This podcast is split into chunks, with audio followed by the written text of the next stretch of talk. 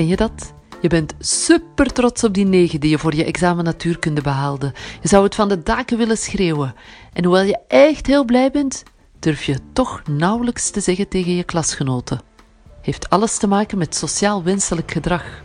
Hoe dat zit, vertelt Yvette van Osje in Waarom voel je je soms slecht terwijl je eigenlijk trots bent? Dit is de Universiteit van Vlaanderen.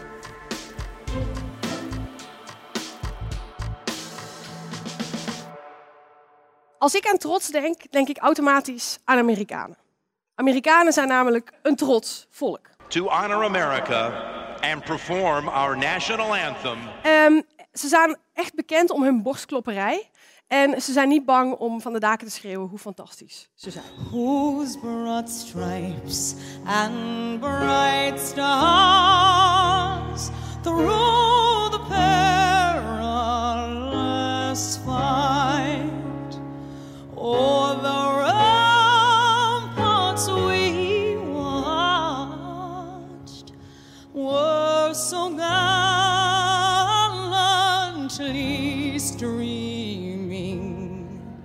Als je trots bent, dan uit je dat vaak.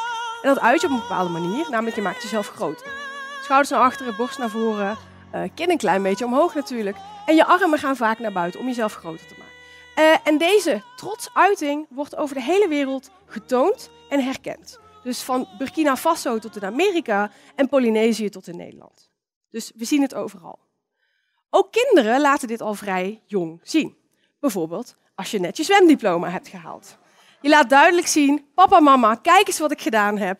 Uh, en daar ben je dan heel trots op. En dat laat je ook zien. Zelfs mensen die blind geboren zijn, laten deze trotsuiting zien. Dus er zijn studies bij Paralympische atleten die blind vanaf de geboorte zijn. En als zij winnen, gaan ze ook automatisch dit doen. Dus ze laten ook die trotsuiting zien. En dat vertelt ons eigenlijk dat uh, uh, wij dit allemaal laten zien. En dat het dus niet aangeleerd is. Dus het zijn niet onze ouders die geleerd hebben: hey, als je het goed gedaan hebt, gooi dan vooral je armen in de lucht. Dat niet. Um, en uh, uh, het laat ons zien dus dat eigenlijk iedereen geboren wordt met een soort psychologisch systeem waarbij je automatisch je trots uit naar anderen. Nou, laten we even teruggaan naar die Amerikanen. Uh, Amerikanen zijn dus proud and not afraid to show.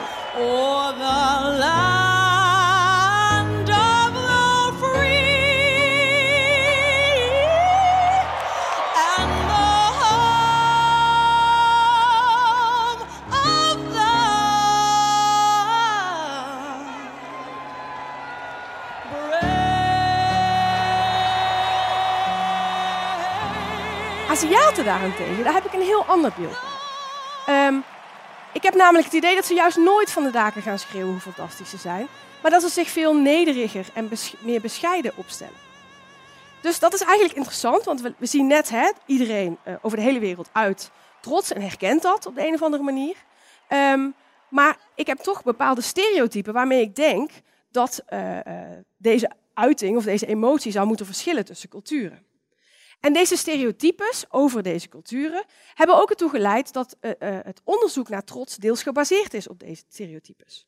Dus onderzoekers die denken, hey, mensen uit westerse culturen, dus bijvoorbeeld Amerika, die uh, vinden trots iets heel goeds. En er wordt aangeleerd, dat moet je uit, dat moet je laten zien, je mag eruit knallen als individu. Dus we gaan ervan uit dat Amerikanen sneller en vaker en intenser trots ervaren en dat ook sneller zullen delen met de rest van de wereld. Terwijl Aziaten of meer Oosterse culturen, uh, waar je juist niet je kop boven het maaiveld uit moet steken, want dat is slecht, daar zouden mensen minder snel, minder intens uh, trots moeten ervaren en dus ook minder snel uiten. Nou, we zitten dus met twee tegenstrijdige voorspellingen. Trots is universeel, het gebeurt over de hele wereld. Uh, en aan de andere kant verwachten we heel veel culturele verschillen. En we dachten, dat is interessant, hoe zit dat nou precies? Nou, daar hebben we een experiment gedaan. En om dat uh, te illustreren wil ik jullie graag even dat jullie je even uh, inleven. Ik wil graag even dat jullie je voorstellen dat je een Chinees bent. Dat is misschien niet voor iedereen even makkelijk, maar doe even je best. Je bent een Chinees, je leeft voor het tafeltennis en je laat er alles voor. Je traint als een malle, uh, je eet heel gezond, je sociale leven is een puinhoop. Maar uiteindelijk kom je bij het moment suprême. Je hebt je gekwalificeerd voor de Olympische Spelen. Fantastisch. Je haalt de finale en je verslaat glansrijk je tegenstander. Je bent dus Olympisch kampioen tafeltennis. Maar de vraag is, hoe ziet die Chinees eruit? Wat doet hij? Gaat hij helemaal los als, als trots persoon? Of stelt hij zich juist heel erg bescheiden op en bedankt hij voor de eer? Uh, ik denk dat we allemaal ons voor kunnen stellen hoe een Amerikaan in die situatie eruit zou zien. Die zou er alles uithalen. Andere situatie, zelfde Chinees. Je bent nog steeds een Chinees, je leeft nog steeds voor het tafeltennis. Uh, maar dit keer heb je je gekwalificeerd voor de finale van de nationale kampioenschappen. Um, je hebt uh, uh, je tegenstander staan, dat is je beste trainingsmaat. Want hè, als je in een, in een, nationaal team zit, train je heel vaak samen. En dat zijn dus ook je directe tegenstanders. En je verslaat hem weer glansrijk. Je bent dus Chinees nationaal kampioen tafeltennis. En dat is niet niks, want in China betekent dat dat je de beste bent van 1,4 miljard mensen. Dat is nogal. Wederom de vraag, wat doet die Chinees? Uit hij zijn trots intens? Of uh, gedraagt hij zich bescheiden? Hoera. Nou, dit is een illustratie van het experiment wat wij gedaan hebben. En wat deden we nu precies? We lieten deelnemers foto's zien van uh, officiële persfoto's van atleten.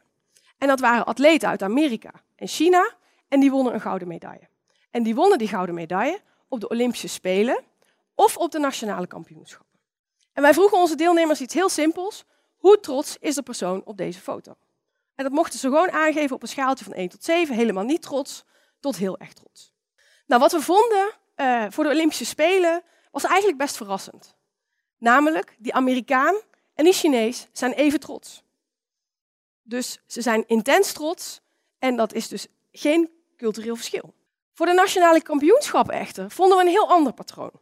Die Amerikanen nog steeds super trots, die, die stonden overal zo op de foto. Ze waren weliswaar ietsjes minder trots dan op de Olympische Spelen, dus er was wel een verschil. Maar juist bij die Chinezen op die nationale kampioenschappen vonden we een heel erg groot verschil. Namelijk, zij hielden hun trots best wel in. Ze stonden daar bescheiden en nederig te wezen, in plaats van dat ze heel erg trots waren. Hoe kan dat nou? Waarom, waarom vinden we dus dat Chinezen in de ene situatie heel erg hun trots uiten en in de andere situatie niet? Nou, dat heeft te maken met het feit dat wij sociale wezens zijn. Dus uh, wij houden rekening met de gevoelens van andere mensen. Op de Olympische Spelen heb ik net mijn internationale rivaal verslagen. En uh, die zie ik natuurlijk een aantal keer per jaar bij internationale kampioenschappen. Maar daar heb ik verder niet echt een band mee. Het is niet dat het mijn best buddy is. Maar als ik een nationaal kampioen word, heb ik mijn trainingsbuddy verslagen. De persoon die ik waarschijnlijk het meeste zie van alle personen op deze aarde. Daar heb ik een band mee. En die wil ik niet kwetsen. Dus mensen houden daar rekening mee. Waarom doen Amerikanen dat minder dan Chinezen? Dat heeft waarschijnlijk wel culturele uh, uh, gevolgen. Namelijk in westerse culturen uh, focussen we ons vooral op het individu, hoe belangrijk ik ben en wat ik allemaal moet presteren. Terwijl in oosterse culturen gaat het meer om de groep, gaat het meer om het wij-gevoel. Om het alles toch nog iets beter te begrijpen, moeten we denk ik gaan naar wat is trots nu precies? Die emotie trots. Waar hebben we het dan over? Nou, volgens mij is trots een emotionele ervaring die je hebt als je een positieve uitkomst toeschrijft aan je eigen handelen. Dus ik heb een gouden medaille gewonnen. En die heb ik gewonnen omdat ik super hard getraind heb. Waarom ervaren we die emotie nu eigenlijk? Wat is, wat is nu het nut van trots? Nou, allereerst zorgt trots ervoor dat we ons goed voelen over onszelf. Ik heb het idee dat ik dingen kan, dat is prettig. En het zorgt er ook voor dat ik doelen ga stellen die eigenlijk hoger zijn dan de doelen of de ideeën, de plannen die ik eerst had. Dus het zorgt ervoor dat ik vooruit ga, dat ik mezelf verbeter. Aan de andere kant uh, zorgt trots er ook voor dat ik het ga uiten. Dus als ik trots ben, ga ik automatisch, zwel ik een beetje op en wil ik het graag met andere mensen delen. En dat kan heel erg nuttig zijn, want onderzoek heeft laten zien dat als je trots uit, dat andere mensen dan uh, een hogere pet van je opkrijgen. Dus je krijgt status, je krijgt aanzien. Dat is goed. Vreemd is eigenlijk dat als ik dat doe, dat ik me een beetje slecht voel over mezelf. En dat ik dat heel ongemakkelijk vind. Dus ik vertel, hey, ik eh, mag een college geven bij de Universiteit van Nederland. En daarna ga ik het meteen bagatelliseren. Ja, zoveel stelt het nou ook weer niet voor. Lekker boeiend, maar ik doe het toch. Uh, en ik ben eigenlijk het nut van trots daar aan het ondermijnen. Want ik heb net verteld, als je trots hebt, dan moet je dat uiten, want het is goed. Hè? Dat zorgt voor status. Maar aan de andere kant ga ik die prestatie die ik heb gedaan, ga ik zeggen, ja, zoveel stelt het ook weer niet voor. Nou, om dat uh, te kunnen verklaren, uh, moeten we kijken naar trots is positief. Het voelt goed voor mij. Maar trots wordt ook gezien als de hoofdzonde. Trots is hartstikke slecht. Er zijn heel veel filosofen uh, en, wereldreligies het over eens. Trots is slecht. Hoe kan dat nu? Nou, ik denk dat dat vooral komt uh, doordat voor mij is die ervaring heel positief. En als ik hier heel trots uh, sta te wezen. Maar aan de andere kant kunnen jullie denken, wat een arrogant mens. Wat een vervelend mens. Want in de ogen van andere mensen kan trots heel negatief overkomen. Er is ook onderzoek uh, wat laat zien dat winnaars uh, uh, van spelshows bijvoorbeeld, als die heel expressief zijn, dat mensen ze wel misschien wat hoger schatten in status, maar dat we ze ook niet zo aardig vinden.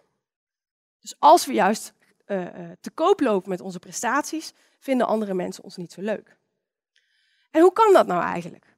Nou, dat komt omdat een trotsuiting bedreigend kan zijn voor anderen. En wanneer is die bedreigend? Als die prestatie die jij geleverd hebt, als ik die eigenlijk ook graag had willen doen. En om dat te illustreren, om dat te toetsen, hebben wij een aantal experimenten gedaan waarin wij situaties creëerden uh, waarin een prestatie van de, de, de deelnemer relevant of niet relevant was voor het publiek. Dus stel, ik ben student psychologie en ik heb net een tentamen gedaan psychopathologie. Nou, dat zegt niet iedereen iets, maar dat maakt ook verder niet uit. Uh, en jij bent ook student psychologie. En uh, jij hebt ook dat tentamen gedaan. Ik heb een 9 gehaald. Ik heb het echt supergoed gedaan. Maar ik weet niet zo goed wat jij hebt gedaan. En jij gaat mij vragen: Hey, Yvette, hoe ging dat tentamen? Dan ga ik zeggen: Nou, het ging best goed. Het was echt boven verwachting. Ik had niet verwacht. En uh, ja, ik heb echt wel geluk gehad. En uh, ja, ik ben wel gewoon heel blij. Echt heel blij. Maar het cijfer, dat ga ik natuurlijk lekker niet vertellen. Want ik weet niet, stel jij hebt een 5 gehaald, dan vind je dat niet zo leuk.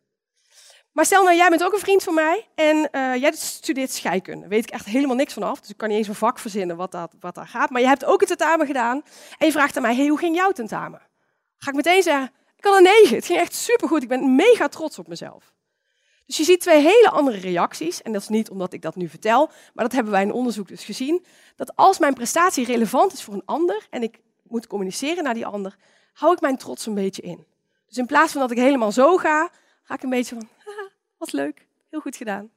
Um, dus daar zien we een heel erg groot uh, verschil optreden. Nou, er is een lijn in de literatuur uh, die laat zien dat er eigenlijk twee typen trots zijn. De ene, de positieve kant van trots, wordt authentieke trots genoemd. En die ervaar ik inderdaad als een positieve uitkomst als ik die toeschrijf aan mijn eigen handelen, als ik daar moeite voor gedaan heb. En dat vinden mensen ook helemaal tof, behalve als het bedreigend voor hen is. Maar trots, authentieke trots, heeft ook een uh, vervelend broertje, namelijk hubris. En hubris is een vorm van trots die ik ervaar als ik een positieve uitkomst, dus ik heb een 9 gehaald voor een tentamen, toeschrijf aan mijn eigenschappen. Ik heb die 9 gehaald omdat ik nou maar eenmaal gewoon fantastisch ben en hartstikke slim. En dat vinden mensen niet leuk. En die uh, uh, ervaring van hubris is ook negatief. Dus ik voel me arrogant, ik voel me pompeus, ik voel me opschepperig. Um, als je mensen gaat vragen in hoeverre ze dit ervaren, ervaren ze dat vrij weinig en als ze het ervaren, niet zo intens. Dus veel komt het niet voor. En het wordt ook heel erg geassocieerd met narcisme.